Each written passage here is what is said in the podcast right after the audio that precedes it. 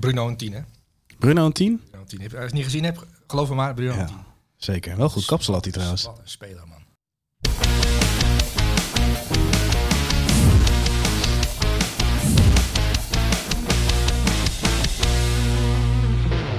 Ja, Soelie, het is eh, dinsdag. Na een lange periode van vakantie, ontspannen, rust nemen. Ben je eindelijk weer terug in de studio. En niet alleen jij, want weet je wie er ook weer is? Ik heb geen idee. Luister maar goed. Kom er maar in, Bas. Goedemiddag mannen. Alles Bas. goed? Ik kijk je net nog aan de lijn. ja. Oké. ja, we kunnen, nu, we kunnen nu wel de vakantie doorspreken, maar dat hebben we natuurlijk eigenlijk al gedaan. Eh, nou ja, ik heb het jou niet gevraagd, want ik ben heel asociaal. Dus eh, hoe was je vakantie? Eh, nee, ja, het was, was prima. Bij Bonaire geweest. Oh ja. Het, het is een beetje het stormseizoen, heb ik ervaren daar. Maar nee, hartstikke mooi. Ja, er, er komt af en toe een tornado langs, hè? ja, klopt. Ja. Eén één avond eh, ja, de luiken dicht en eh, hopen dat het meevalt. Ik zag wel Maar, een eh, mooie nee, foto ja. van jou, Bassie. Hey. Dat je uitkeek Ja. over zee. Echt de, de, ja, de denkerpose. Heb je hem gezien, Soelie? Ja, ja, ik heb hem gezien. Ik heb hem dat het leek alsof ik aan het denken was, ja. Ja. Ja, klopt. Ja, het, het schijnbedriegt hoor. Nou, weet je, weet je wat het is met die Instagram-foto's? Ehm, hij maakt dan, kijk, ik denk dat, ik denk dat je vriendin mee was, toch? Ja. Ja, dus die, die, die staat dan in een bepaalde hoek en die zegt tegen Bas, een beetje naar links, twee meter naar rechts, drie meter omhoog. Weet je, en, en uiteindelijk heb je het perfecte plaatje. En dan gaat Bas staan en dan en drukt drukt ze op de knop en dan zie je die foto. Maar rechts, rechts van hem kan zomaar een plastic berg zijn, hè? Of afval. hè? Want Bonaire kan ook op sommige plekken behoorlijk smerig zijn. Denk je dat het gescript is allemaal, Soelie? Instagram is behoorlijk gescript, ja. Nee, maar van Bas ook? Ik dacht Nou, dat Bas altijd ik- natuur jij, was. Jij, jij bent getrouwd, toch? Ja. Ehm, ik, ik ben ook eh, drie weken lang opgetrokken met een vrouw, namelijk mijn vrouw. Ja, Ehm, want je vriendin bleef thuis, hè? die, nou, die, die, eh, die, die kachelt achter ons aan in een andere auto. Oké. Ehm, maar ja, ik neem gewoon een foto. En dan is het een foto. En, en die staat in mijn telefoon. En dan neem ik weer een foto. En die staat ook in mijn telefoon. Maar ik weet niet of, of, of jouw vrouw ook zo is. Maar, een, eh, maar mijn vrouw neemt een foto. Die kijkt ernaar. Die nee, eh, niet, ligt niet goed. Of mijn ogen zijn dicht. En dan moet hij opnieuw. Dus Ja, dan sta je soms van één plek. Sta je 47 foto's te maken. En dan is dan de perfecte foto. Maar ondertussen, ja, snak jij naar een biertje, weet je wel. We zitten allemaal hetzelfde schuitje, Soelie. Ja, allemaal. allemaal. Schijt. Ja, het is erg. Ja, ja, ja, ergernissen. Maar goed, eh, Bas, jij hebt dus een leuke vakantie gehad. Eh, de luisteraar heeft nog niet meegekregen. Soelie, hoe was jouw vakantie? Ja, waanzinnig. Ik heb echt de leukste dingen meegemaakt. Ja, kan, het is te- die podcast is een uur ongeveer en ik kan hier wel mijn vakantie gaan uitleggen, maar dan zijn we twee uur verder. Nou, laten we hier een kwartier voor uittrekken en doen we het elfde wat Nou sneller. ja, maar vertel, wat, even in het kort, wat heb je gedaan? Wat heb je gedaan? Ja, van alles. Ik heb in een sterrenrestaurant met mijn vrouw gezeten. Ehm, nou, dat is een belevenis, kan ik je vertellen. Ik, ik zit daar niet elke week. Sterker nog, ik zit daar nooit. Eh, maar mijn vrouw wil dat heel graag een keer doen. In de watten gelegd worden. Eh, culinair. Dus eh, dat heb ik onder andere gedaan. We zijn ook eh, in, een, eh, eh, in, een, in een park geweest. Op de Veluwe. In een huisje. Een week in de natuur zonder eh, wifi. Ben nog wolven tegengekomen? Ehm, nou, nu je het zegt, heb ik wel twee wolven gezien. In de dierentuin. Ja. Ja, in de dierentuin Maar die twee wolven gezien. Die schrikken ook wel van de goot, neem ik aan. Eh, nou, deze grap hè, die jij nu maakt, die is eh, de afgelopen drie, vier weken. Want ja, je komt natuurlijk allerlei mensen tegen in het wild, weet je wel, de Veluwe. Eh, die grap is zo vaak gemaakt. En mijn vrouw is er inmiddels aan gewend, want het is wel heel vreemd dat volwassen mannen jou, eh, al- ja, jou roepen en dan Sully geit roepen. weet je, dat is heel vreemd. Ja. Maar En jij, Maar Bas, ben jij nog herkend deze vakantie? Nee, ik moet zeggen, eh, ik heb het idee dat eh, onze filmpjes niet eh, tot eh, Bonaire zijn eh, doorgedrongen. dat Nee. onderschat jij. Nou, ik zal je een verhaal vertellen en dat is, dat is geen grap. Ehm, ik was, eh, leuk dat jullie trouwens vragen, Jarno, heb jij het gehad? Weet je, ik zal het zelf maar doen. Interesseert ons Nee, het interesseert ons niet. en de luisteraar waarschijnlijk ook Nee. niet. Dus maar ik was in. Istanbul, Soelie, jou niet onbekend. Oh ja, ik heb ja. echt genoten van de wedstrijd. Maar wat gebeurt? Ik ben samen met mijn, eh, mijn broertje Indra ben ik daar. En ik, wij lopen het stadion in. Indra had een Even petje vertel, op. je bent bij, bij Besiktas Fenerbahce geweest, hè? Besiktas Fenerbahce. Ja. Het stadion waar het eh, hoogste decibel gemeten is. Ja. Echt waanzinnig, 0-0. Maar geen moment verveeld. Maar ik kom, ik kom binnen en ik eh, loop dat stadion in en ik zoek, zoek mijn plekje. Indra loopt achter me aan. Dat is mijn broertje dus, zoals gezegd. En die had zijn pet op. En met pet op en ik met pet af lijken we kennelijk enigszins op elkaar. En er zit een Turkse fan naast ons. En die wijst naar Indra en die zegt, joh, ik ken jou van een YouTube-show. Dus hij zegt, nee, dat is mijn broer. Ja, you talk with the hands. Ja, Hij kende jou gewoon, Soelie. ja, ja. ja. Turks man uit Ankara. Trouwens ook nog eh, gehad over het eh, Erdogan-bewind. maar goed, daar gaan we niet te ver over uitweiden. Maar Ja, dat is wel heel Ja? triest wat daar gebeurt, Ja. Ik schrik daar wel van, van wat er ja, Je speelt hebt wat daar. meegekregen op de tribune? Je hebt wat Eh, meegekregen links en rechts, zo? Ja, hij, nou laat ik het zo zeggen. De- ik, heb die, ik heb een eh, hele tijd met die man eh, gesproken. En hij zegt, als ik nu zeg wat ik jou vertelde, maar zeggen in het Turks. Want wij, wij spraken Engels ja. natuurlijk. Ik spreek helaas geen Turks. Als ik dat in het Turks had gezegd, dan kan het zomaar zijn dat ik van achteruit klappen op mijn achterhoofd krijg. Omdat hij dus, Klopt. Dus in dat geval niet. zegt wat hij denkt. Ja, dat kan niet. Nee, en daar schrik je dan wel van in een wereld als dit. Dat dat toch nog steeds zo... En je krijgt het wel mee, maar pas als je dan echt de persoonlijke verhalen hoort, krijg het echt wel, mee. dit is wel in meerdere landen zo, hè? Dat is, eh, maar het Nee, dat klopt. ja. Maar het, het, ja, het lijkt zo ver weg. Ja, ja, ja. Het is ook Europa, min of meer. Ehm, maar Ja. eh, belangrijk, hè? het was 0-0 geworden. En ik had een be- klein beetje dat ik dacht, ah, jammer dat het 0-0 is geworden. Maar je hebt wel genoten. Ik heb onwijs genoten. Bij die opkomst, eh, het geluid, echt bizar. Eh Wout Weghorst, die vanaf eigenlijk de warming-up al speelt met het publiek. Ja. Soms lachwekkend, soms heel leuk om te zien. Nee, maar echt genoten van de sfeer. En ja, ik weet niet, het, eh, de, misschien een open deur, wellicht een open deur. Zeker een open deur, maar de Turkse fans hebben passie, Soelie. Ja. Ehm, ja, dat klopt. Ja, nee, maar de, de Turk heeft in het algemeen is vrij luidruchtig, of kan luidruchtig zijn als het kom- aankomt op emotie of gevoelens. Eh, ja, dan gaan de luiken open. En dat zie je dus ook terug in het stadion. Ja, Ehm, ja. En verder een prachtige stad. Maar eh, jongens, in het kort, want eh, kijk, eh, we kunnen nog uren praten over ja, onze vakanties, weekendjes weg, et cetera, et cetera. En nogmaals, als daar vraag naar is, kunnen we dat altijd in een Q&A nog een keer terug laten komen. Maar hebben jullie in tijden dat je dus eigenlijk niet voetbal hoeft te kijken, maar mag kijken, hebben jullie dan ook gekeken? Ja, ik moet zeggen, ik, ik zat dus op Bonaire tijdens de interlandperiode. Eigenlijk perfect gepland natuurlijk.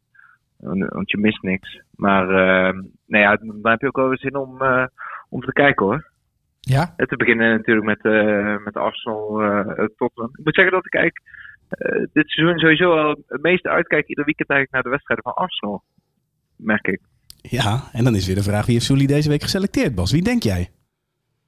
Eh, van Arsenal, ja, Saka zou ik zeggen. De andere kant. De linkerkant. Martinelli. Martinelli, ja. Ja, ja, ja. Maar ik had ook, eh, ik had ook Saka kunnen, kunnen kiezen. Maar ik, die twee bij Arsenal voorin. eh, ze verschillen ook een beetje van elkaar. Ik vind de een eh, iets intelligenter en de andere is sneller en heeft meer diepgang en meer dreiging. Uh, flitsender. Eh, en dan Jesus in het midden. Ja, het- inderdaad, eh, een paar weken geleden kreeg ik denk ik van Jarno de vraag of ze kampioen konden worden. Of van Ruben. Of weet ik veel van wie eigenlijk. Maar de, de vraag van kunnen ze kampioen worden. En toen had ik zo'n rare uitleg dat ook als ze alles winnen. Kunnen ze geen kampioen kunnen ze worden? geen kampioen worden. Daar sta ik nog steeds achter. Want als je naar City kijkt, dat is voetbal eh, met Haaland. En, en we kunnen nog wel een keer een Haaland special gaan opnemen. Ik, ik, ben- ik pleit voor een Haaland special. Ehm, want Ja, ja, ik begrijp veel dingen. Dat zeg ik altijd van voor mezelf, weet je wel. eh, onbescheiden. Ik begrijp veel. Maar naar Haaland kijken. eh, en we hebben toen een keer een, een uitzending gemaakt over Haaland. En eh, kan hij zich aanpassen aan het Engelse voetbal.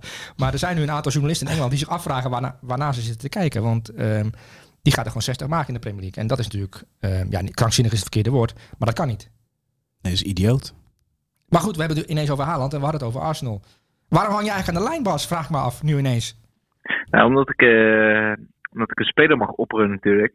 Kijk, ik, ik heb jouw elftal nog niet gezien. Oké, nou, ik, eh, ik wil wel graag eh, één speler eh, belichten. Ja. Die eh, in het begin, na zijn transfer, hebben we misschien een beetje om gelachen. Want eh, hè, ze verloren met 4-0 van Arsenal. Eh, met 9-0 op Anfield. Eh, hij verloor daarna eh, zijn plek. Hij Hebben- zat drie wedstrijden op de bank. En heeft nu... eh, Moeten wij raden? Bournemouth? sorry? Gaat het over Bournemouth? Ja, zeker. En, en welke Marco speler? Senesi, hè? Ja, oh, Marco. Senesi. Oké, nou, Bas los. voor de tweede keer op rij eh, verkozen tot, eh, tot man van de wedstrijd eh, bij Bournemouth. Eh, eerst 0-0 tegen Brentford, nu thuis gewonnen eh, van Leicester City. En eh, ja, inmiddels ook gewoon opgeklommen naar de achtste plaats. Hè? Onder, Ja. onder leiding van die interim coach Gary O'Neill. Ja, toch wel heel knap. En eh, ook, ook hoe Senesi zich daar manifesteert. Hè? De bal natuurlijk rustig. Hè? Zeker voor Engelse begrippen, zeg maar, in die, in die regionen. En ja, ik vond hem tegen Leicester ook heel goed spelen. Eerst tegenover Dhaka en Ja. daarna Vardy. Toch wel, ja, allebei spelers hè, met heel veel dreiging in de diepte ook.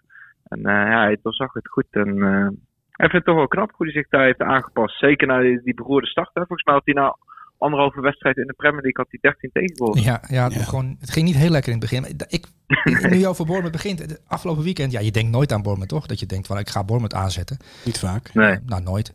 Eh, Aan de tijd van Ake maar- misschien, maar ga door. Ja, maar we hebben het over nu. Ja. Ehm,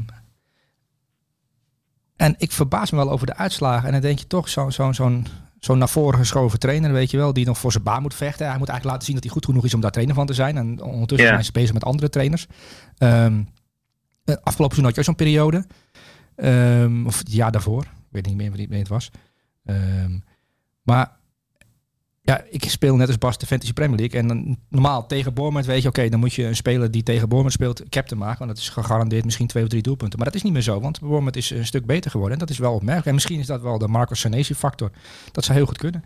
Dus eh, Dus Marcus Senesi is eigenlijk voor je Fantasy Premier League helemaal niet gunstig.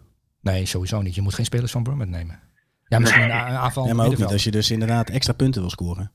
Wa- Want? Wat is geeft toch net aan de captain bij de tegenstander. Dus Ja, oh zo, dan ja. gaat je tactiek, weet ja, je ja, ja, Ja. maar, Ja, maar ook, ook mooi dat eh, Nee, niet echt. Nee. dat hele spel is ook veranderd door Haaland. Hè? Want normaal is het Ja. toch eh, door, door de week Dan komen we toch weer op Haaland. ja, te twijfelen van hè, wie zal ik captain maken. Maar, en dan keek je naar het programma. Maar het maakt wel echt niet uit tegen wie City speelt. Weet je. bent eigenlijk gek als je Haaland eh, niet die aanvoerdersband geeft. Nou, het is volgende week City, of komend weekend is het City Liverpool, hè, zondagmiddag Ja. City Liverpool. En normaal gesproken denk je, het speelt tegen Liverpool, Van Dijk en Haaland. Ehm, dan maak je iemand anders captain, want jij hebt dubbele punten als je een speler captain maakt. Maar Haaland kan er zo vijf maken tegen, tegen Liverpool. En dan zit jij misschien maar raar aan te kijken. Nee, nee, nee, helemaal niet. Ik, ik, ik, ik Oh, luister aandachtig. Maar Haaland kan er vijf maken tegen Liverpool. En dat is toch, nou niet, niet meer nu, want die gaan geen tweede worden. Eh, maar normaal gesproken is dat de concurrent van City. En eh, ja, zoals ik al zei, bij, bij Haaland, er is geen grens, geen limiet. Je, moet- je, je moet je denkpatroon aanpassen om naar Haaland te kunnen kijken. En dat vind ik heel leuk. Ik wacht alleen nog steeds op het moment dat hij vijf keer de bal krijgt en dat hij vijf doelpunten maakt. Waar we het eerder over gehad. Nou, ik denk dat vijf keer scoren uit 15 balcontacten ook goed is tegen Liverpool. Dat maakt niet zoveel uit. Dan gaat, dan gaat het echt wel los hoor. Ja, nee, dat ben ik helemaal met je eens. Hey eh, Bas, ehm, ja inderdaad, jij bent altijd voor de extra bijdrage. Eh, belangrijk eh, ook natuurlijk. Ehm, St- Een stukje inhoud naar de mensen toe. Dat is nou ja, een stukje inhoud naar de mensen toe. Maar goed, we moeten ook... eh, Oh, je wordt gebeld. Oh, wacht even. Dat was Stef de Bond. Oh jee. Die belde. Die die heeft kan- ook een speler uitgelicht. Ja, zeker van Utrecht, denk ik. Ja? Nee, die, ja, ja, je bent nu met een telefoonverbinding, dus excuses daarvoor. Eh, Bas, we hadden het natuurlijk net ook even over Martinelli, want daar heb je net, eh, ja, daar ben je ook onderdeel van geweest van het, het stukje Martinelli. Laten we dat nog wel even kort bespreken en dan gaan we toewerken naar cijfer, want we gaan het gewoon vandaag net iets anders doen dan gebruikelijk. We beginnen gewoon hè, met de aanvallers. Eh, nee, nee, nee. Dit, dit is, ik, heb, ik heb weinig zeggenschap, maar dit is nou wat ik nu wel een keer Oh, oh, bepaal. Dus eh, Martinelli, ehm, de goal naar dat paasje van Eudegaard. Die hele aanval was al waanzinnig. ging snel. Ja, ja het ging snel. Ehm, dat betekent dat de spelers van elkaar weten wat ze doen. En dat ook... kijk, Eudegaard, dat balletje, daar, daar gaat het nu niet over. Omdat het is in, in de eerste minuut een meteen zo'n doelpunt tegen Liverpool. Ehm, maar heel fijn, gevoelig, bekeken balletje. Ja, prachtig. En hij schiet hem, hij schiet hem prima binnen. Maar er is geloof ik wat... eh controverse over, hè, over het buitenspel wel of niet, geloof ik. eh, omdat het, de, de, de, de VAR-situatie en die konden niet naar kijken en dergelijke. Ehm, maar goed. Maar Martinelli, die, die, eh, die eh, heb jij ook al vernomen, toch Bas? Die is bezig met een nieuw contract. en Die wil een van de best betaalde spelers van Arsenal worden. Ja, ik, ik, ik moest afgelopen weekend ook nog denken aan Cody Gakpo, hè, die natuurlijk vaak gelinkt werd eh, Oh ja. aan Arsenal. Eigenlijk voor die positie. Eh, ja, waarbij, ja, niet om nu me gelijk te halen, maar ik denk waarbij we allemaal zoiets hadden van, oké, ja, ik vraag me af of die Martinelli uit de basis gaat spelen. Ehm, en ja, je ziet zijn, ik vind hem met name eigenlijk eh, dribbelend, hè, met de bal aan de voet. Hij, hij heeft totaal geen snelheid in. Nee. Hij lijkt ook gewoon nog het overzicht te houden. Dicht bij de grond ook. Eh, balletje eh, no- nooit ver voor schuit. Ja. Ja, dat, eh, dat snelle handen ook in combinatie met, met Jesus en Eudegaard die ook, hè, die drie voorin eh, eigenlijk perfect kan Dat is van de bedienen. connectie ook, hè? Ja, dat staat wel echt een lekker elftal. Ja. En ik vind het echt leuk om naar te kijken. Kijk, Martinelli is bijzonder. Hè? Dat heeft hij ook vorig jaar laten zien toen hij ook tegen Trent Alexander-Arnold stond. En die heeft toen Trent Alexander-Arnold alle hoeken van de rechterkant laten zien. Eh, Ja. Voor zover een rechterkant al hoeken heeft. Ehm, maar toen was ook eh Klopp die zei van wow, eh, Martinelli, wauw, dat kan een van de beste spelers ter wereld worden. Was, geloof ik zijn eerste reactie na, eh, na afloop van, van die wedstrijd. Ehm, en nu stond Trent Alexander-Arnold natuurlijk opnieuw tegenover Martinelli. En heeft hij opnieuw is hij kleurenblind gespeeld. Want hij kan hem qua snelheid niet bijhouden. Ehm, en Mart Martinelli, en dat is wel interessant natuurlijk. Martinelli is een groot talent, die is uit Brazilië gekomen. op jonge leeftijd binnengehaald. En toen kon je al aan de eerste flitsen zien: oké, dit is wel echt een serieus talent. Um, blessuregevoelig natuurlijk geweest. Ehm, maar nu de volgende stap is doelpunten toevoegen en, en, en assist, eh, rendement. Eh, met die stap die bijvoorbeeld Vinicius ook heeft gemaakt. Van, van Ja. razendsnel, fl- flitsende voetballer. Die dribbelt makkelijk. Dat heeft Martinelli natuurlijk ook snel. Uh, dribbelvaardig. En eh, hij voegt nu ook eh, rendement toe. En dan wordt het een bijzondere speler. Want dan is hij A, niet te dekken. En hij scoort ook nog, eh, hij, hij voegt ook nog wat toe aan het elftal wat betreft assist en doelpunt. En dan wordt het een bijzondere speler. Ja, absoluut. Ben je het daarmee eens, Bas? Ja, eh, helemaal. Volgens mij nu vijf goals, vijf assists, denk ik al, dit seizoen. Ja, dat is genoeg hè. Dat is, Eh. dat is voldoende voor, voor nu. Ja, Absoluut. ja daarom. Hey, heren, wat voor cijfer geven jullie dan aan eh, Martinelli? Ik zou zeggen een 8,5. Dan ga ik mee met Bas en zeg ik eh, aan Gabriel Martinelli voor zijn wedstrijd tegen Liverpool een 8,5. Oké, nou Bas, hartstikke bedankt voor jouw bijdrage. Ik zou zeggen, geniet van je dag, want volgens mij moet je vanavond nog aan de bak, hè? Champions League avond, hè? Op de, op de redactie. Zet Champions schermen aan. Ja, precies. Lekker toch? Zeker, jongen. Nou, dank voor je bijdrage en dan gaan wij snel verder met de rest van het elftal. Yes, Ja, oké. Hoi, hoi. Hoi. Kijk, Bas heeft altijd goede input. Ja. Toch? Ja, hij kijkt voetbal en, eh, en, en, en is een liefhebber. En eh, kan erover meepraten. Dus heerlijk, heer- heerlijk om, eh, om- om Bas even aan te horen. En eh, hij heeft ook genoten van Gabriel Martinelli. Maar Arsenal, dat is natuurlijk nu, begint nu al serieus te worden. En eh, Arteta krijgt ook de vraag, doe je nu mee met titel?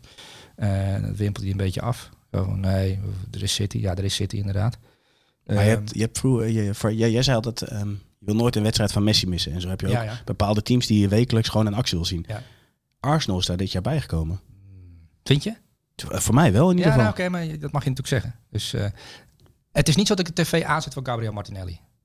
Nee, maar voor Arsenal is het geheel. Als ploeg. Ja, als ploeg zijn ze natuurlijk eh, wel met iets bijzonders bezig. Dat een, dat een ploeg die van ver komt, sportief gezien. eh, als je kijkt wat Arsenal het afgelopen jaar heeft meegemaakt. Welke trainers daar eh, langs de lijn hebben gestaan en gezeten. Hoeveel, hoeveel daar is ingekocht en welke spelers. Ja, wat er niet uitgekomen is eigenlijk na, na de Wenger-jaren. En je ziet nu wat Arteta daar voor elkaar krijgt met een vrij jonge spelersgroep. Ehm, ja, dat is wel bijzonder. En dan, dan, de gunfactor is natuurlijk ook vrij hoog daardoor. Want je speelt tegen eh, het, het rijke Manchester City, dat al jaren dominant is. Dat de afgelopen vijf jaar vier keer kampioen is geworden.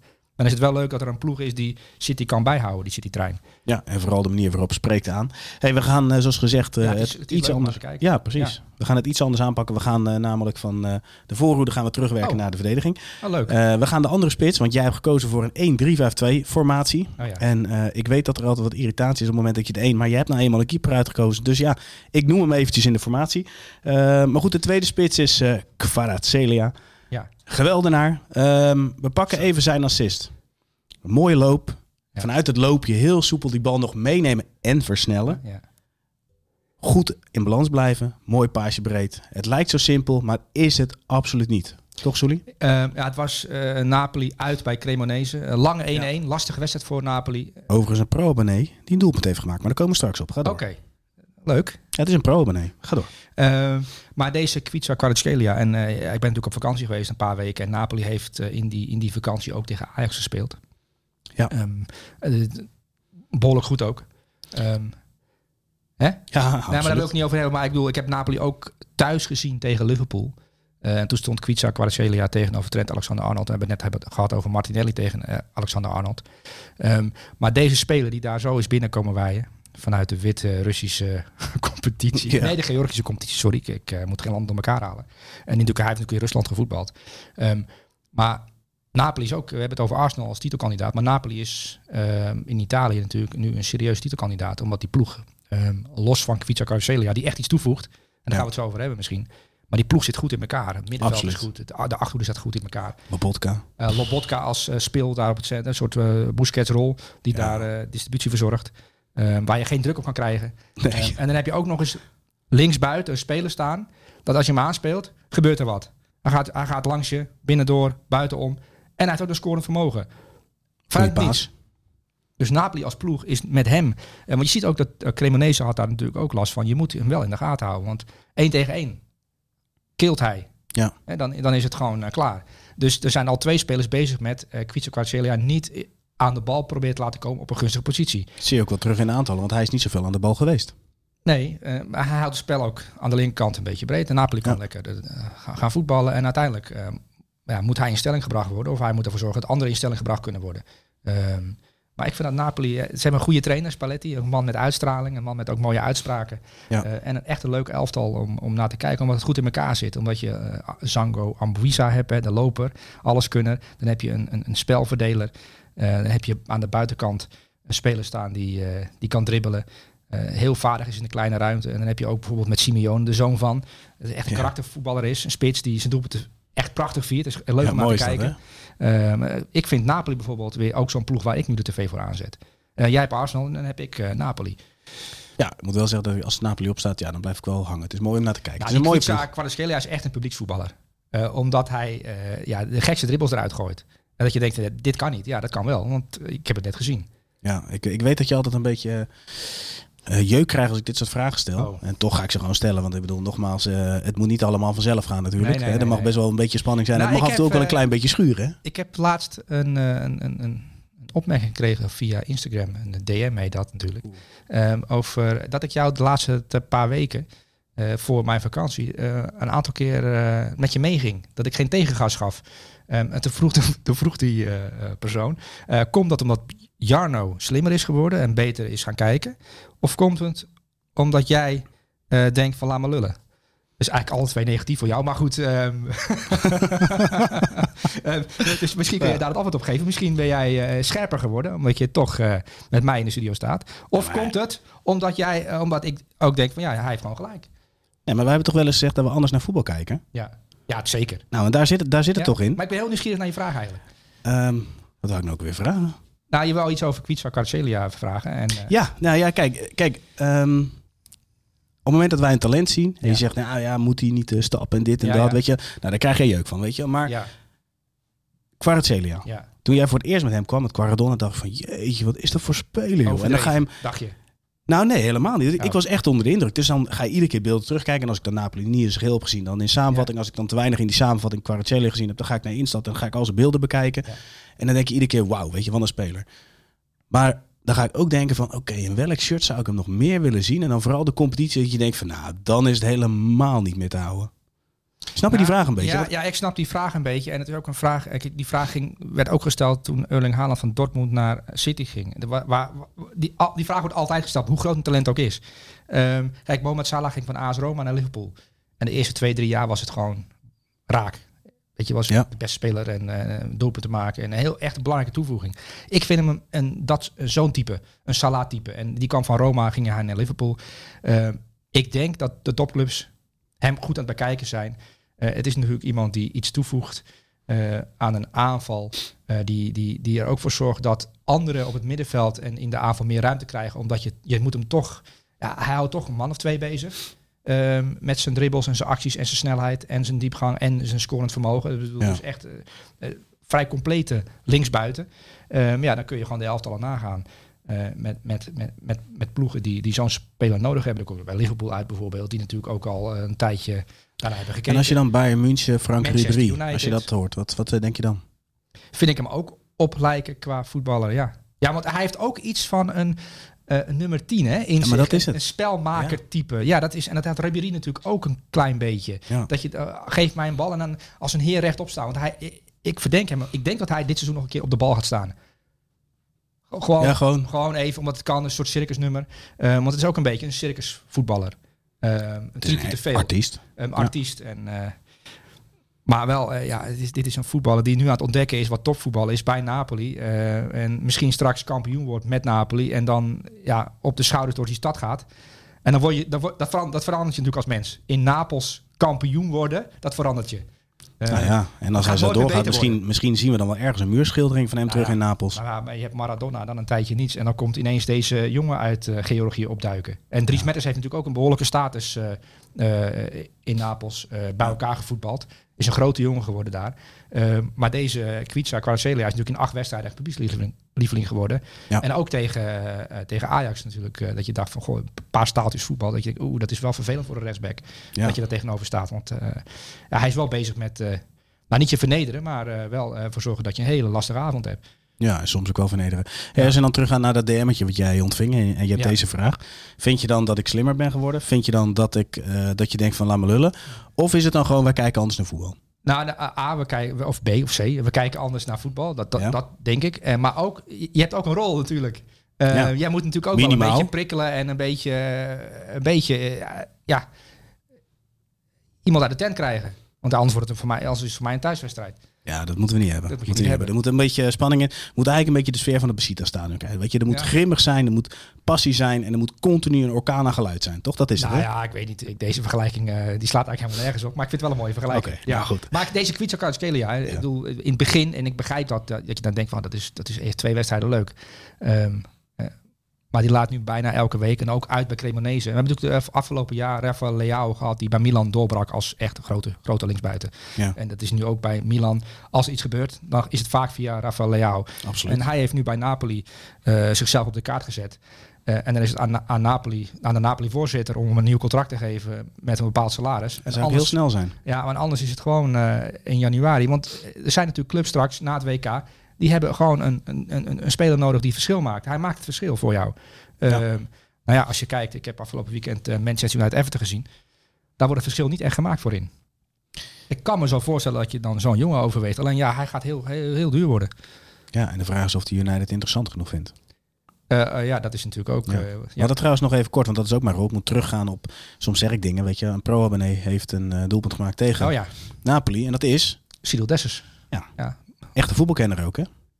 Eh, ja, ja, ja. Niet alleen een liefhebber, maar een echte kenner. ja. Nou ja, Dus- mag ook wel als je, als je spits bent. En je hebt natuurlijk bij, eh, bij Genk en bij Feyenoord en nu bij Cremonese sta je in de spits. Eh, dan mag je hopen dat je er een beetje inzicht in hebt. Ehm, maar los daarvan, het is iemand die... die ja, het is een intelligente jongen die, die om zich heen kijkt, laat ik het zo zeggen. En dat, Ja. dat merk je wel, ja. Precies dat, precies dat. Cijfer voor Kvaratskhelia. Een 8,5. 8,5. Oké, dan gaan we naar het middenveld. Middenveld gaan we iets sneller door. Oké. Ehm, je hebt gekozen voor een dynamisch middenveld. En laten we dan eens aan de buitenkant eh, beginnen met Eberetje Eze. Ja. De ja, ontsnapkoning noemden we hem, laat maar zeggen. Hij, Snappingskunstenaar. ja, dat was het ja. Want waar die ook vrijkomt, hij wordt aangespeeld. Ja. Nou, kijk, Crystal Palace is wel, eh, dat met Pieter Vieira natuurlijk als trainer, die hebben een aantal in- interessante spelers. Uh, Wilfried is natuurlijk daar al, al tijden de grote, eh, de grote man. Ehm, maar met Eberechi Eze erbij eh, en met Zaha bijvoorbeeld op het veld, dan krijg je combinaties die je anders niet hebt. Want Eberechi Eze is iemand die snel is, in, in hele kleine korte ruimtes vaardig is. Ehm, maar zijn goal, hè, ehm, die hij maakt, de 2-1 Ja. ehm, tegen Leeds United, staat 1-1 en hij maakt de 2-1. Ehm, wat ik mooi vind aan die actie, eh, behalve dat hij natuurlijk knap wordt eh, aangespeeld met de hak, met iemand die in, in de rug hem aanspeelt, is dat hij het geduld heeft op hoge snelheid en een soort van rust heeft en dan een, een Uitstellen, uit, uitstellen. het uitstellen van een schot tijdens een actie. Dat betekent dat je wel echt eh, overschot hebt eigenlijk. Eh, dat, je, dat je techniek Ja. zo goed is dat je weet, oké, ik kan hier mijn rust pakken, even een lichaamsbeweging, iemand op verkeerde been zetten en dan de, eh, de, echt de rust pakken voor het schot in, in, in- ja, diagonaal in de hoek. Prachtig afgemaakt. De beheersing op dat moment viel Ja, me wel op bij hem. absoluut. Dan denk je van een jonge jongen ehm, die dan nu dit seizoen weer teruggekomen is. En eh, we hebben het over, jij hebt het over topclubs en spe- welke spelers wil die graag hebben. Dit is ook een jongen, Ebretje Eze, die eigenlijk, eh, als hij dit, jaar, dit doorzet bij Crystal Palace, dan is hij eh, eind deze zomer of komende zomer. Is hij kandidaat voor een topclub? Want hij maakt het verschil, omdat hij, ja, als je hem de bal aanspeelt, kan hij bij iemand wegdraaien. Hij kan een man meer situatie creëren. En eh, hij kan ook nog een score en assist geven. Dus het is wel echt een vrij complete aanvallende middenvelder, dribbelaar, eh, buitenspeler. Ja, je kunt er van alles eh, van maken. Maar het is gewoon een. Dat zie je ook wel terug in de positie op het veld. En hij is overal terug te vinden. Waar ik me wel zorgen maak, Sully, is het aantal schoppen dat hij krijgt. En soms is hij daar zelf ook debet aan. Omdat hij te langzaam eh, de- is, of je bedoelt te, te lang een actie doorvoert? Of, wa- Ja, te lang, te lang. eh, maar ook uitdagend soms eh, zijn. Dat is ook Ja. wel zijn kracht. Maar meer van, van we hebben natuurlijk vaker spelers gehad die ehm, nou, de bal net te lang bij zich houden. Ja. schoppen krijgen, blessures oplopen. Maak jij daar geen zorgen om? Nou ja, als je Neymar gewend bent. En, en daar maak ik me altijd zorgen om. Want die wordt elke wedstrijd wel een paar keer geraakt. Ook, ook omdat hij uitdaagt. Eh, maar dat zie ik bij hem. Dat gedrag zie ik bij hem niet terug. Nee. Maar hij is goed in voetballen en goed in dribbelen. En ja, dat, die spelers hebben dat soms. Maar het kan natuurlijk ook wel eh, een wapen zijn dat je een, een aantal spelers van een tegenstander een gele kaart eh, eh, bezorgt. Waardoor je ehm, in de toekomst, in de wedstrijd verder, eh, natuurlijk eh, iets meer vrijheid hebt, omdat een tegenstander dan jou niet aan je shirt kan vastpakken en, en Ja. dat soort zaken. Ehm, maar je maakt me geen zorgen over. Ehm, ja, hij is natuurlijk wel zwaar geblesseerd geweest. Daar maak ik nou wel zorgen over dat je niet weer hervalt in zo'n blessure. Want dat zou jammer zijn. Helemaal eens. Wat voor cijfer krijgt hij eh, voor zijn optreden tegen Leeds United? Een 8,5. 8,5. En dan gaan we door naar de volgende. Lucas Paqueta. Eh, voormalig speler van Peter Bos. Dit weekend natuurlijk Ja. eh, helaas ontslagen. Ja, er zit een klein Peter Bos thema in het elftal. Misschien dat je het wel door had, maar... Ah, Bruno. Bruno Guimaraes. oh ja. Ja, ja. Ja. Maar daar komen we zo op. Ja. Nee, die heb je al verklapt nu. Ja. Ehm, Paqueta. Assist op uh, Skamaka. Ehm, hij start op de nummer 10 positie en je ziet dat hij heel veel vrijheid heeft. Dat hij eigenlijk uitwijkt naar de zijkant en daar zijn creativiteit klei- eh, kwijt kan, laat maar zeggen. Maar als je dan kijkt naar, we hebben het vaak over connecties, toch? Mhm. Hoe kijk je naar de connectie van Declan Rice met eh Paqueta? En waarom stel je deze vraag? Wat heb jij gezien? Want jij hebt iets Nou, gezien. Hij wijkt vaak uit, toch? Tussen Ja. linies komt hij aan. En dan is maar de vraag of je een speler hebt die herkent wanneer hij hem aanspeelt, maar vooral hoe hij hem aanspeelt. Want hij staat wel altijd, als hij de bal van Reis krijgt, staat hij gelijk open met het vizier naar voren. En dan gebeurt er iets bij West Ham. Ja. Ja, kijk, dit is natuurlijk een, een, een, een, een bijzondere speler die, die als je hem goed gebruikt. eh, want hij- zijn handelingssnelheid aan de bal is vrij hoog van Lucas Paqueta. Ja. En, en hij heeft een geweldige techniek.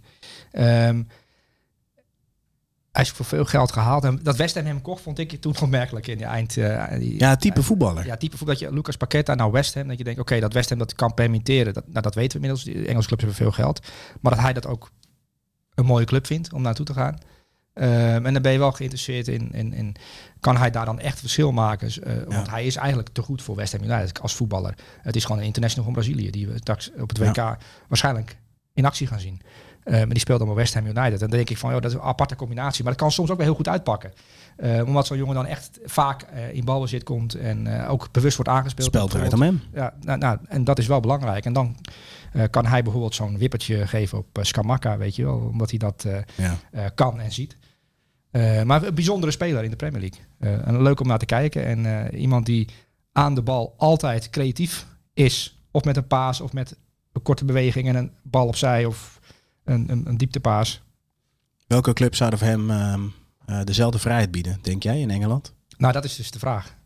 Um, um, want je ziet wel, wel bijvoorbeeld met wat Jack Grealish is, eh, nou niet is overkomen. Want die is, dat is nu een ander soort voetballer. Hij speelt in dienst van het combinatievoetbal bij City. En City heeft een, gekooide, heeft een gekooide Grealish. Ja. En Villa had de, ja, de ultieme Grealish, toch? Ja, ja, precies. Een, een ander soort voetballer. En uh, Lucas Paqueta kan natuurlijk wel zichzelf uh, creatief uh, uiten bij West Ham. En die krijgt ja. er wel de vrijheid voor. Want dat is wat zijn taak.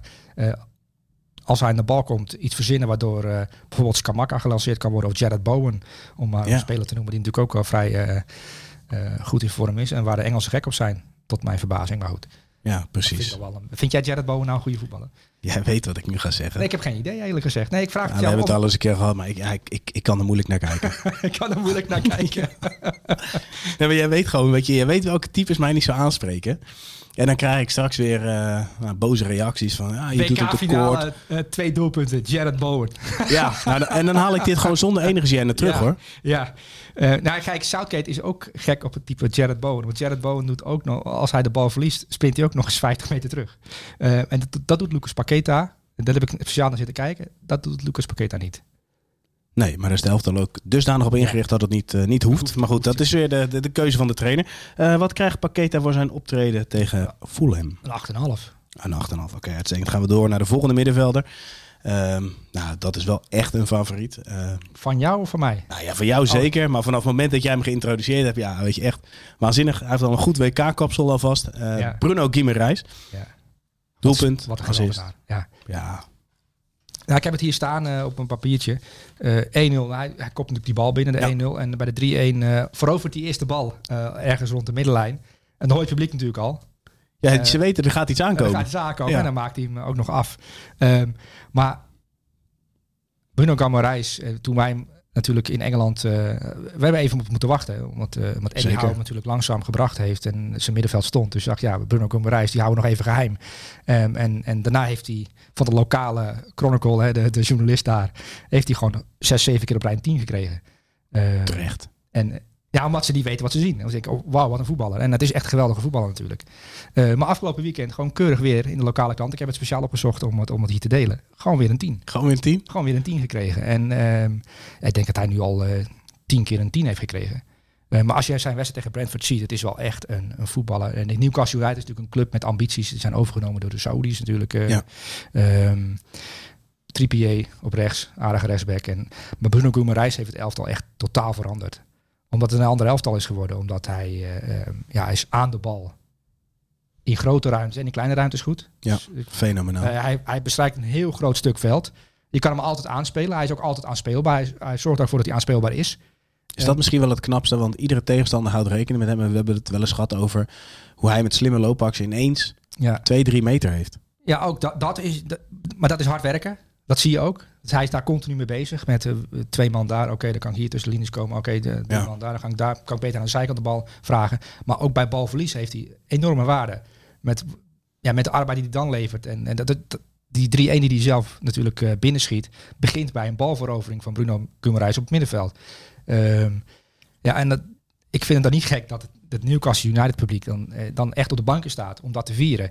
Um, en het is ook wel mooi dat hij Real Madrid heeft afgeslagen. Dat is toch wel bijzonder. Dat, dat, welke voetballer, ja, ik wou zeggen, welke voetballer op Mbappé na dan, die heeft die kans laten lopen.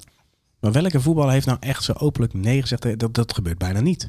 Uh, nee, dat gebeurt bijna niet. Uh, en dat zegt ook iets over zijn kwaliteit uh, en zijn karakter. Dus, dus hij is en heel goed en hij heeft karakter. En dat is een combinatie die natuurlijk... Maar bedoel je daarmee dat hij, dat hij van zichzelf weet dat hij zo goed is dat die kans nog wel komt? Dat dat, dat, dat nou, nog dat, later wordt? Dat, maar ook dat hij het enorm naar zijn zin heeft. Mm -hmm. Dat hij plezier heeft bij Newcastle. Uh, en dat hij ook denkt van ja, dit is niet het goede moment om naar Real Madrid te gaan. Misschien is het ook nog wel een slimme gozer. Dat hij denkt van ja, ja maar het middenveld met Kroos en Modric, die gaan sowieso nog wel een jaar spelen. Misschien kom ik straks als WK-winnaar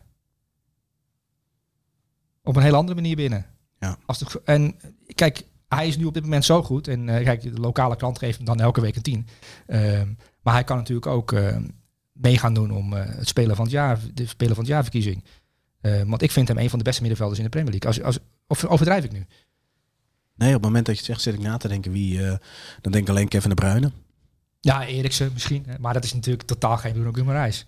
Nee maar, da, nee, maar daarvan zeg ik al wel van, hij is bepalender, completer. Ja. Uh, kijk, en, en De Bruin is ook ja, idioot compleet. En in alles extreem goed. Ja. En, en dat heeft hij natuurlijk ook.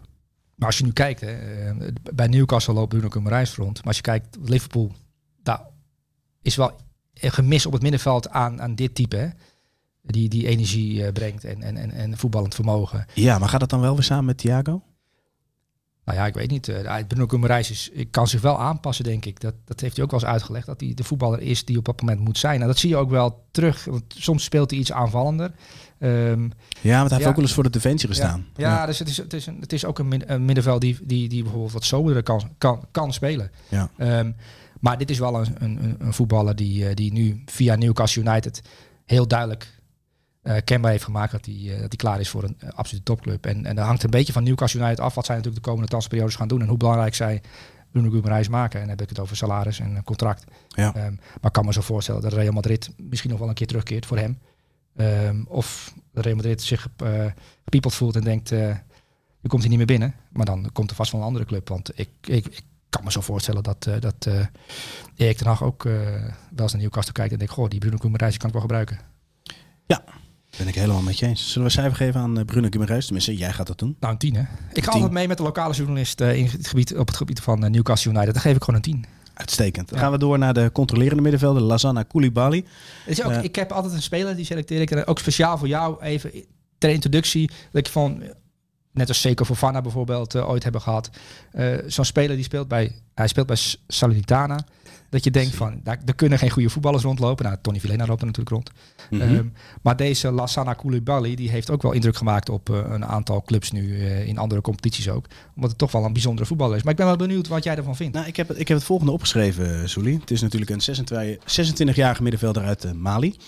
Um, intercepties, ja. power, snelheid en balvaardig. Ja, dat is wel een gekke combinatie, hè? Ja, vaak is het, uh, weet je, een van die drie of een van die vier die valt dan af. Ja. Toch? Nou, je hebt of Casemiro, of Kroos, of Modric. Ja. Maar dit is Casemiro plus Kroos plus Modric en dan iets lager niveau wel. Ehm, maar En kan- naar wie neigt hij dan het meest?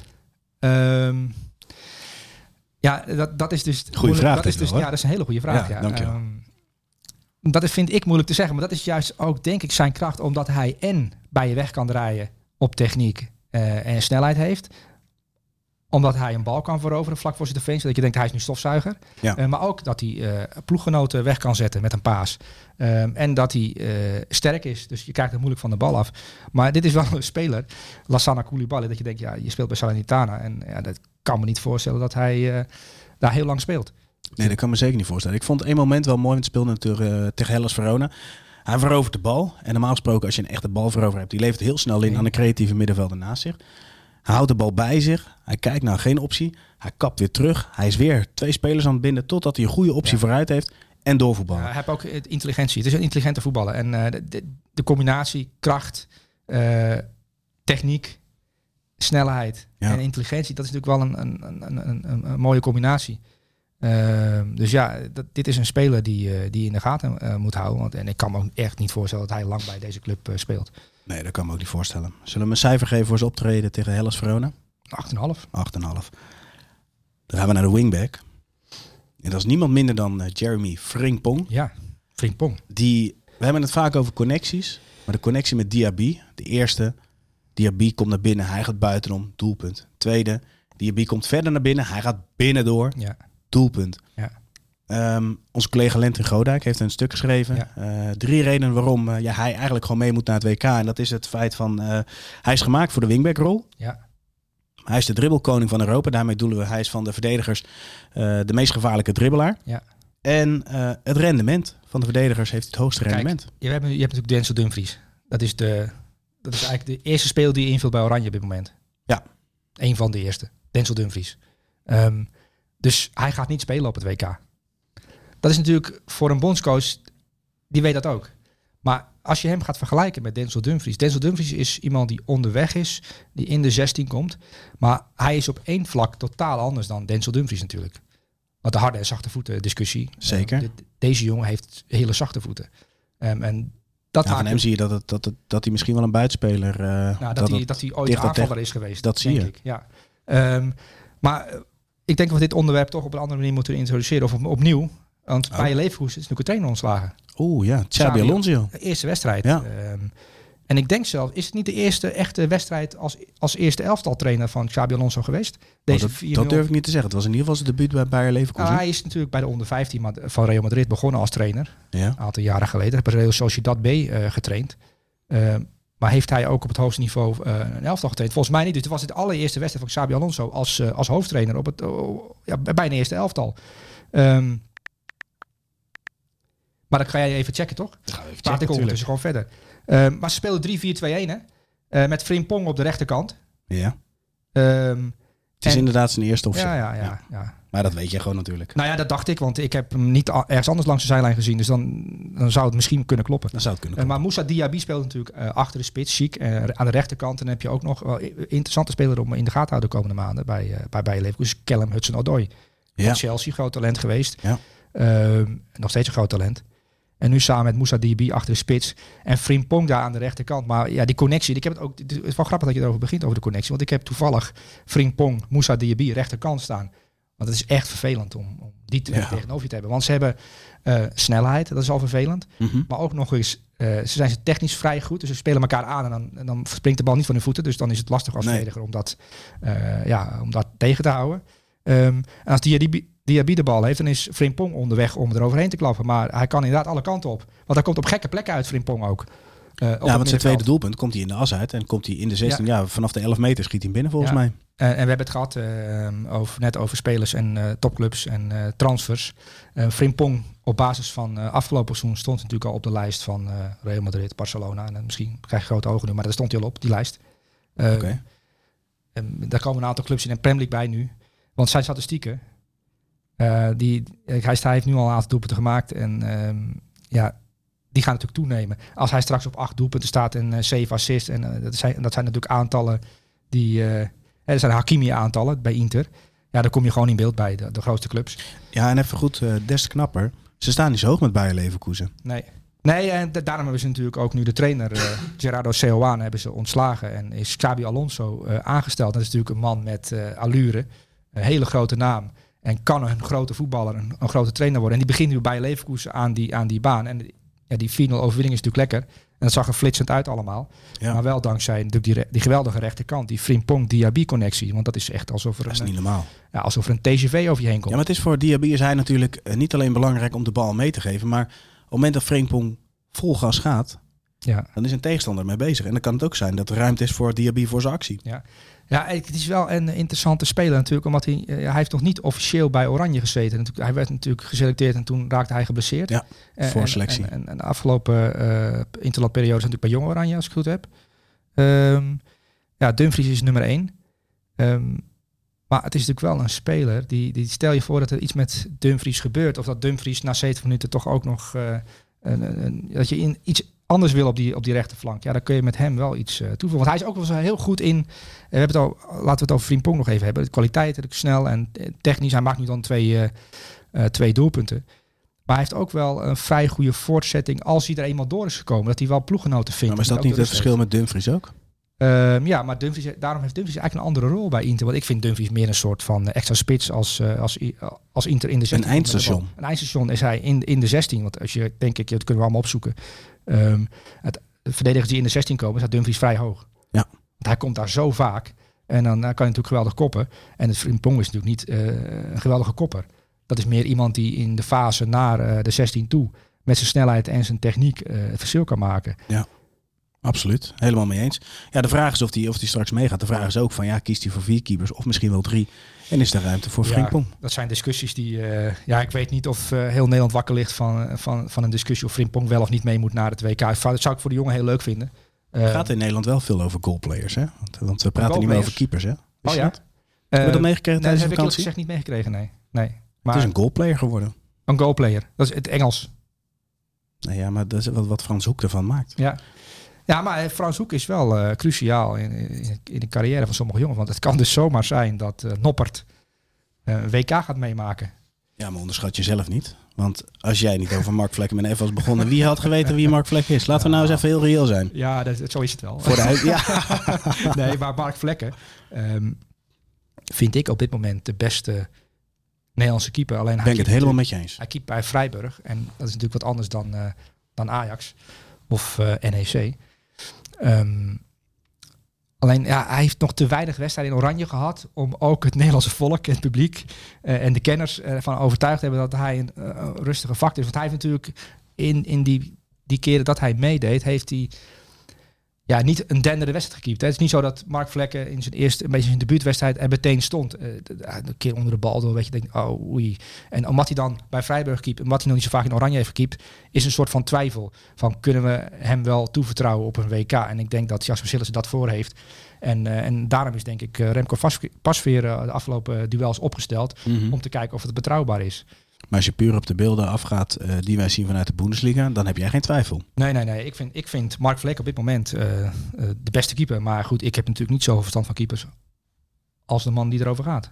Nee, dat is waar. Misschien kunnen we een keer een uitzending dat we hem in gaan bellen. Dat we Bas een keer niet inbellen, maar dat we Frans om uh, advies nou, ik vragen. Ik weet niet of Frans Hoek er nu op zit te wachten om uh, een paar weken voor het WK alles over de keepers te doen we daarna gewoon. Eerst Ja. focus op het WK, Ja. weet je wel. We moeten wel focus houden. Maar wie weet, we uiteindelijk is het voor ons belangrijk. Misschien heeft hij er wel zin in, want uh, ja, ik weet het niet. Ik denk het wel. Ik denk alleen dat de uitzending wat langer gaat worden. Ja, Dat weet ik wel zeker. Uh, cijfer voor Fring Pong. een 9. Een 9. Uh, dan gaan we door naar uh, de defensie. We hebben drie verdedigers. En we starten met uh, João Cancelo. Ja. Um, op papier stond hij linksback. Ja, ik Daar heeft hij geen moment gestaan, toch? Ik hoorde de commentator zeggen dat hij op zijn zwakke linkerkant speelde. Die was de commentator? Ja, een Engelse commentator. Oké. Okay. Dus uh, dat hij normaal gesproken, dat is een rechterkant, is een sterkant. Dus Had hij gedronken? Of? Toen, nou, toen zat ik erover na te denken. Goh, is dat eigenlijk wel zo? Is de rechterkant zijn sterke kant? En, Daar speelde je bij Juventus vaak. Ja, ja, ja. Maar, maar ik vind hem eigenlijk op alle kanten vrij goed. Nou, nou, links vind ik hem wel uitzonderlijk, toch? Want pak nou die goal erbij. Het is, het is net alsof je een, een buitenspeler aan het werk ziet. Nou, ja, kijk, het is dat Haaland uh, leeft en bestaat. En er moet nog uitgezocht worden of hij een robot is, Ulling Haaland. Uh, zo niet, dan, uh, dan is João Cancelo een van de beste voetballers in de Premier League. Uh, want het transformatie die hij heeft doorgemaakt onder Guardiola. En dat is, vind ik wel... Door hij is wel echt beter geworden. Hoe João Cancelo twee seizoenen geleden en de João Cancelo die je afgelopen weekend zag tegen Southampton. En de goal die hij maakt, weet je waar hij uitkomt als linksback. Maar ook het vertrouwen dat hij uitstraalt op die plek, alsof hij er nooit anders gewend is geweest en altijd al op die plek is uitgekomen. Maar stel je eens voor, jij, jij zit op de bank. Of je, lig je op de bank of zit je? Ik zit. Je zit, oké. Je zit op de bank, ontspannen, je doet de televisie aan en je, hebt, je hebt nog nooit van iemand van Manchester City gehoord. Dus je kijkt voor het eerst naar Manchester City en jij weet niet beter. Ja. Je kijkt naar die wedstrijd en je ziet daar een nummer 7 binnen of buiten en dan denk jij, dat is de meest creatieve voetballer van City. Dat is zeker niet de linksback, toch? Ja, ja, ja, maar dat is, uh, dit is wel een leuke, leuke gedachte sprong die je maakt. Want um, afgelopen weekend zat ik over City na te denken. En um, City ontstijgt een beetje het voetbal nu hè, op dit moment. Absoluut. Dus het is geen normaal voetbalteam meer. Pep Guardiola is er wel weer iets bijzonders van aan het maken. En dan hangt er een beetje vanaf of ze eind van het seizoen de Champions League pakken. En kampioen worden. En dan, dan vindt iedereen dat. Ja. Uh, maar als je nu zit te kijken naar, naar City en dan naar João Cancelo en je gaat het beeld stilzetten en je gewoon, waar staat iedereen eigenlijk en waarom staan ze daar? Ja, dat, is, dat is bijzonder. Het is een soort kunstwerk hè, geworden en een kunstwerk in beweging. En dat, dat, dat, daar zet ik de tv, tv voor aan. Uh, voor City op het moment. Ook omdat er iemand voorin loopt die al die bewegingen van al die andere spelers, waar je als kijker de tv voor moet stilzetten, die snapt hij onmiddellijk. Ja, Want dat is de kunst van Haaland. Hè. Dat, bedoel, hij is groot en sterk, maar het ook heel klein en ielig kunnen zijn. Maar in dat hoofd zit een, zit een machientje dat kennelijk bezig is met... oh, Jean Cancelo komt nu daar. Dan kan die bal bij de tweede paal komen. Weet je, als ik nu een stukje naar achteren loop... dan kan ik straks met een sprintje bij die tweede paal uitkomen. Dan gelijk hem binnen. Bam. Maar denk je dat Haaland volledig geprogrammeerd is dan? Dat nou, alle situaties. Ik denk dat hij, uh, nou, dat, de robot, dat mensen hem met een robot vergelijken, heeft natuurlijk een reden. Omdat hij natuurlijk dingen doet die een robot zou doen. Een schaakrobot heeft ze altijd gelijk, want die wint altijd. Ja. Uh, maar, maar Haaland wint ook altijd, omdat hij altijd die ballen. Maar hij maakte laatst een doelpunt in mijn vakantie, die zag ik voorbij komen. Want ik heb alle doelpunten van Haaland uh, gecheckt, gewoon als liefhebber. Ja. Hij maakte op een gegeven moment een doelpunt dat hij eigenlijk eerst het wereldrecord verspringen verbetert. Mm -hmm. En dan bij de, bij de tweede paal zo'n bal. Ik dacht een assist van Kevin de Bruyne. Die glijdt hij dan binnen met zijn linkerbeen. Zou je denken, dat is een geweldige bal van uh, Kevin de Bruyne. Eigenlijk was het niet zo'n geweldige bal van Kevin de Bruyne. Het was een oké bal van Kevin de Bruyne. Goed gezien dat Haaland daar zou kunnen komen. Maar hij moet wel eens het, we het wereldrecord verspringen verbeteren. Ach, maar geeft de Bruyne hem niet zo scherp omdat hij weet dat wat hij doet, dat dat buitensporig is? Dat zou Kom je weer op twee masterminds. Ja, ja, ja, maar dan wordt het leuk. Ja. Maar, dat, maar, dat, zijn leuke dingen om bij City. Ik bedoel, het is natuurlijk een geweldige ploeg en het is heel veel geld in geïnvesteerd. En ja, de ene kostte 60 miljoen en de andere 80 miljoen. En het is allemaal geld. Um, maar het is toch wel ja, cool om te zien hoe Erling Haaland daar in zijn eerste paar wedstrijden elke keer op een plek staat. Dat hij een doelpunt kan maken. En eh, kun je nog herinneren dat we hier in de studio zaten? Of ja, ja in de studio zaten. En dat we het hadden over uh, Phil Foden die een bal niet gaf. Ja. Uh, en toen werd hij ook in de rust gewisseld. Dus zeer, ik, we hebben het vaak over trainers. Of hoe, hoe, kun je controle krijgen over een spelersgroep. Of over in, in het hoofd komen van een speler. Phil Foden werd toen in, naar, de, in, naar de kant gehaald. Bij een actie waarvan je dacht, ja, Phil Foden, die bal. Hij had hem inderdaad ook zelf kunnen maken. Dus, en hij speelde best goed die eerste helft. Het was echt een hele goede eerste helft ja, ja. van Phil Foden. En haalde me toch af. Met als boodschap naar de rest. Erling Haaland, geloof me, staat altijd op de juiste plek. En nu weet elke speler dat Erling Haaland op de juiste plek staat. Dus dus ja, dan krijg je dus uh, 20 doelpunten in, in 10 wedstrijden. Of hoeveel zijn het er wel niet? Dat is ook wel het mooie aan, aan Guardiola. Want er wordt vaak gezegd van... Um, zet bijvoorbeeld een sterrenteam van Barcelona voor Real Madrid. En de gemiddelde analist in Nederland die zegt dan van... Ja, daar kan je iedereen voor zetten. Nee, nee, nee. Los daarvan, weet je, ik, dat, die, die discussie uh, moeten we niet eens willen voeren. Maar goed, wij denken er anders over, denk ik zo. Ja. Aan jouw nou, reactie zien, zeker. Um, anders zou Ajax wel van Napoli gewonnen hebben, toch? Maar is dat zo? Zijn de spelers van Ajax individueel, uh, als je ze afzet nee, tegen die van Napoli, zo wordt er beter? nu naar gekeken. Dat al, ik bedoel, ja, het, doel trainen van Ajax, ook in de Eredivisie, uh, zijn ze natuurlijk ja. normaal gesproken elke keer beter. Alleen gaat het ook niet uh, crescendo. Nee, dus maar, het is lastig hoor. Maar dan pakken we Manchester City en dan zie je alleen maar goede voetballers. Maar wat voor voetbal je te zien krijgt, ja, dat, dat, dat nou ja, laat ik het zo zeggen, het, het overstijgt iedere keer weer qua verbazing. Ja, ja en, ik vind ze nu wel echt heel goed. en Kijk, het is leuk dat Arsenal natuurlijk uh, meedoet en, en, ook veel punten heeft en uh, dat het nu een soort van titelstrijd is. Um, maar ja, ik zie weinig ploegen van City winnen. Maar ja, dan zal je zien dat ze de komende vier wedstrijden niet winnen misschien.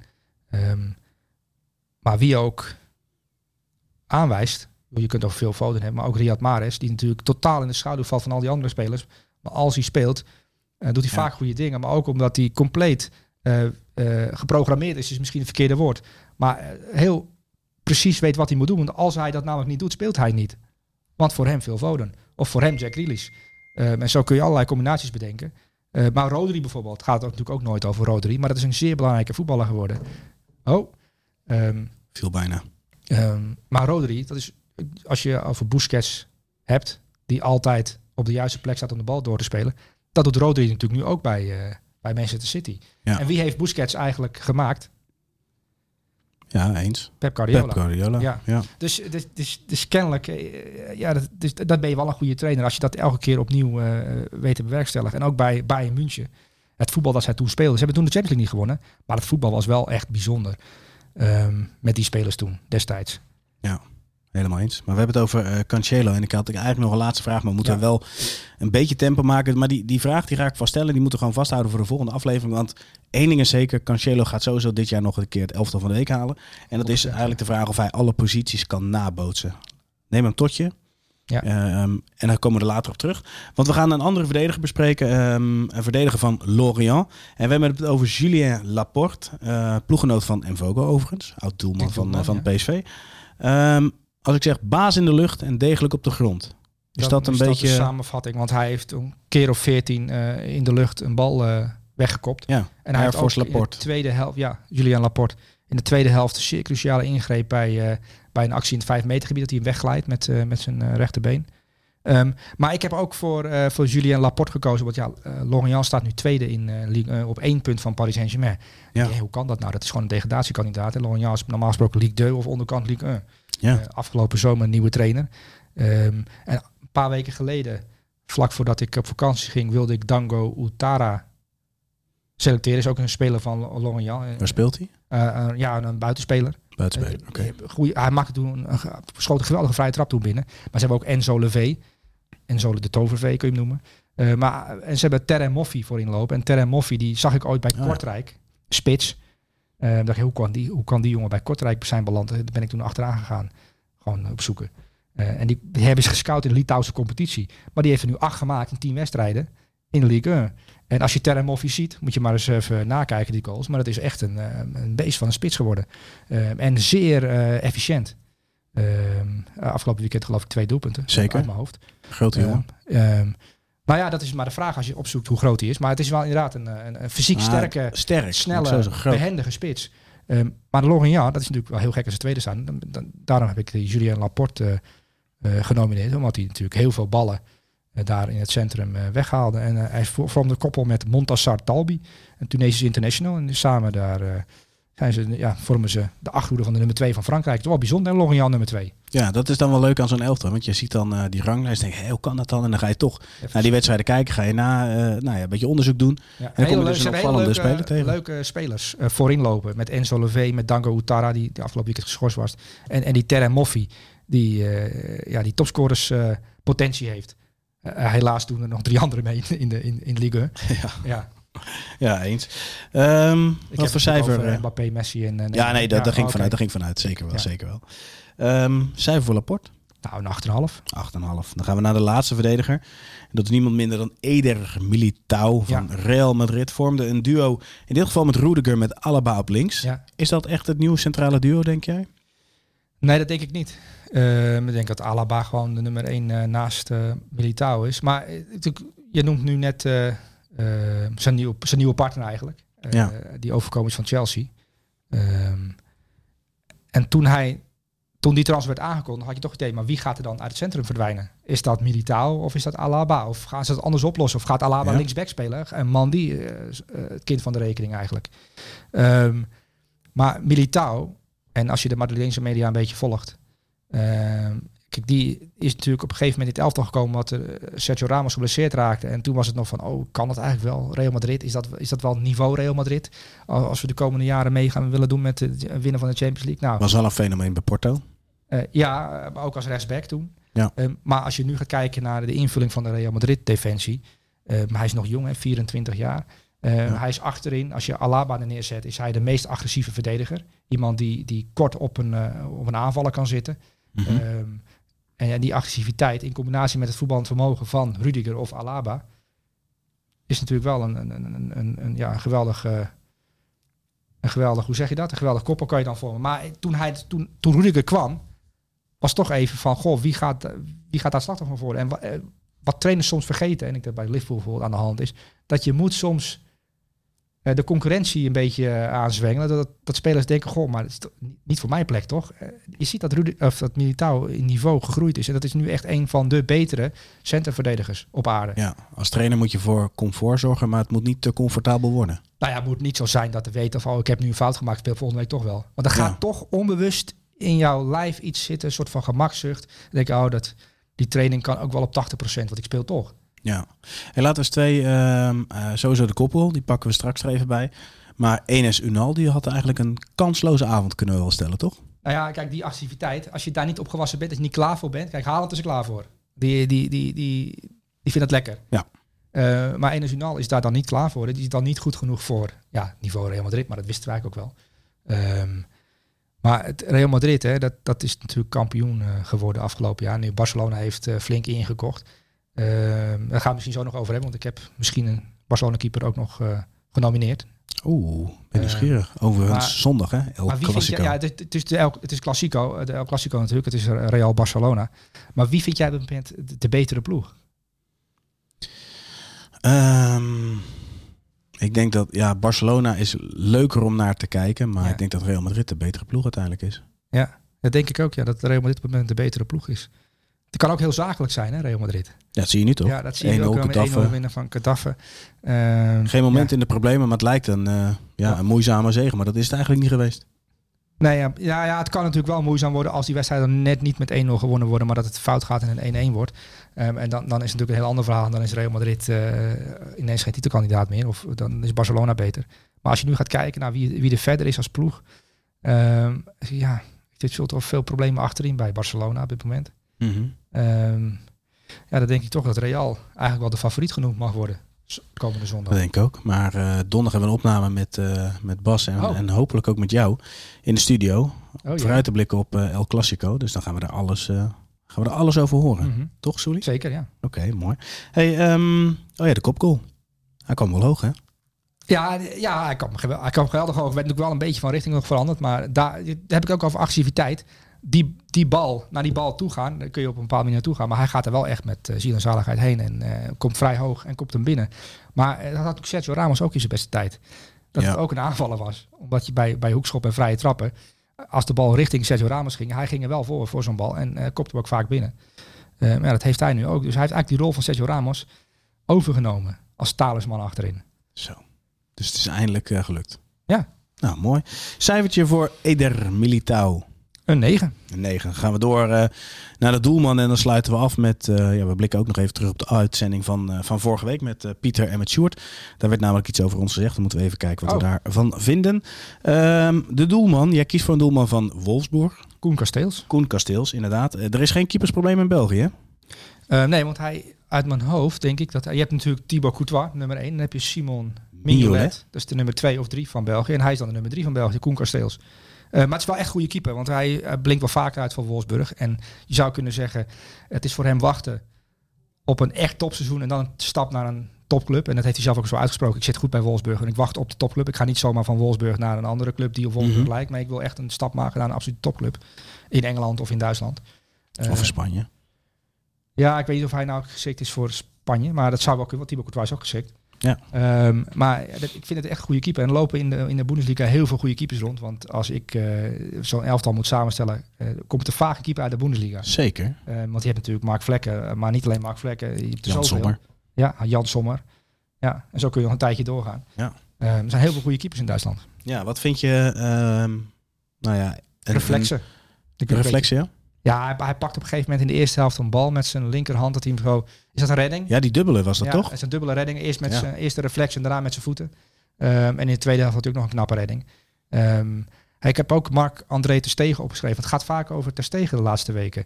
Eh, en dat is eigenlijk een slecht teken als het over Ter Stegen gaat bij Barcelona. Want dat Ja. betekent dat, dat Barcelona defensief eh, zo staat dat ze veel eh, kansen weggeven. En dan moet Ter Stegen optreden.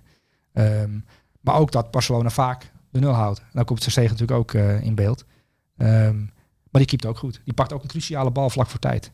Tegen Celta de Vigo. Ja. Anders was het 1-1 geworden. Dus je hebt getwijfeld tussen eh, Kasteels en Ter Stegen. Ja, maar ik vond dat Koen Kasteels met eh, tw- twee saves, echt cruciale saves maakte. En daar ga ik dan voor. Hè. En ja, ik weet, ik ken het nu het goalkeeper principe. Ik heb het net uitgelegd gekregen van jou.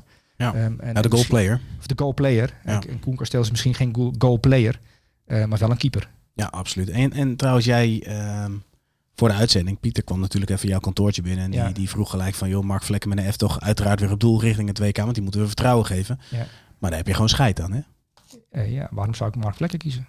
Nou, dat weet ik niet. Maar jij, jij trekt gewoon je eigen plan. Maar het is wel de hoofdredacteur. Ja, maar ik... eh, ja, dat klopt, ja. Ja. Wat wil je dat ik zeg? Nou ja, kijk, het is misschien een heel... Nou ja, niet, niet misschien. Het is een heel slecht bruggetje naar het volgende. Want vorige week eh, eh, hebben Sjoerd en, en Pieter de podcast overgenomen. En eh, nou, het volgende werd, eh, werd eh, gezegd.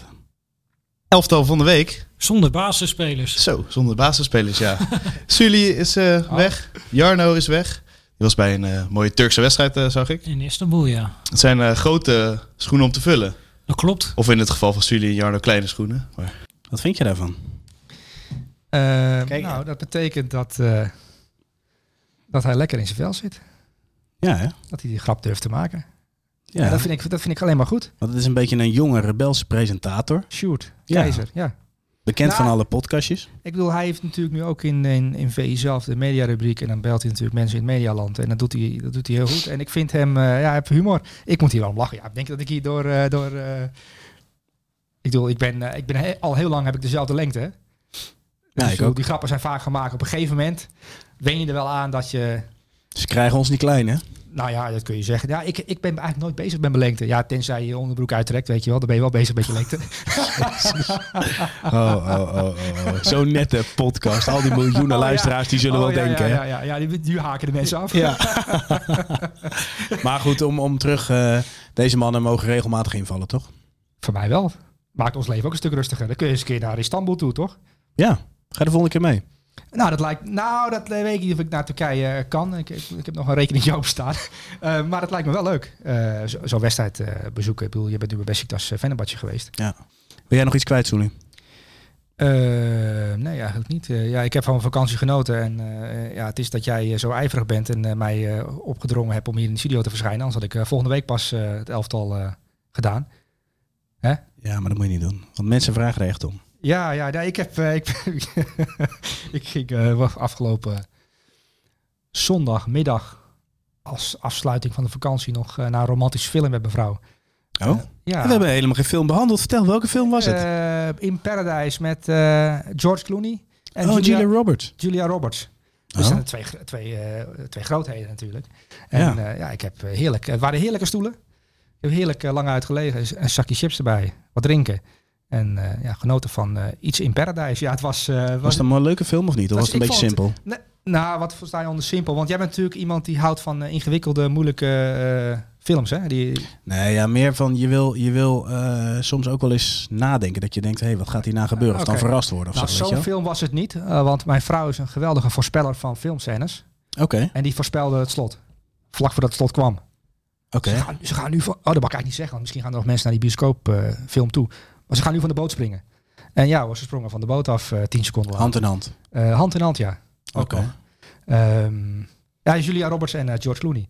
Maar ik moet Mooi, zeggen, na Julia Roberts kun je natuurlijk uren kijken. En dat is ook een vrouw op leeftijd inmiddels. Ja, Althans, Ik wil geen vrouw beledigen op leeftijd, maar we hebben natuurlijk zelf hier Christel. Ja, maar, heel, ja, maar jij, jij zegt dat. Misschien, als je nou kijkt, Pretty Woman, Ja. was het al een mooie vrouw. Maar Ja, nog steeds. ik persoonlijk vind het nu nog veel mooier.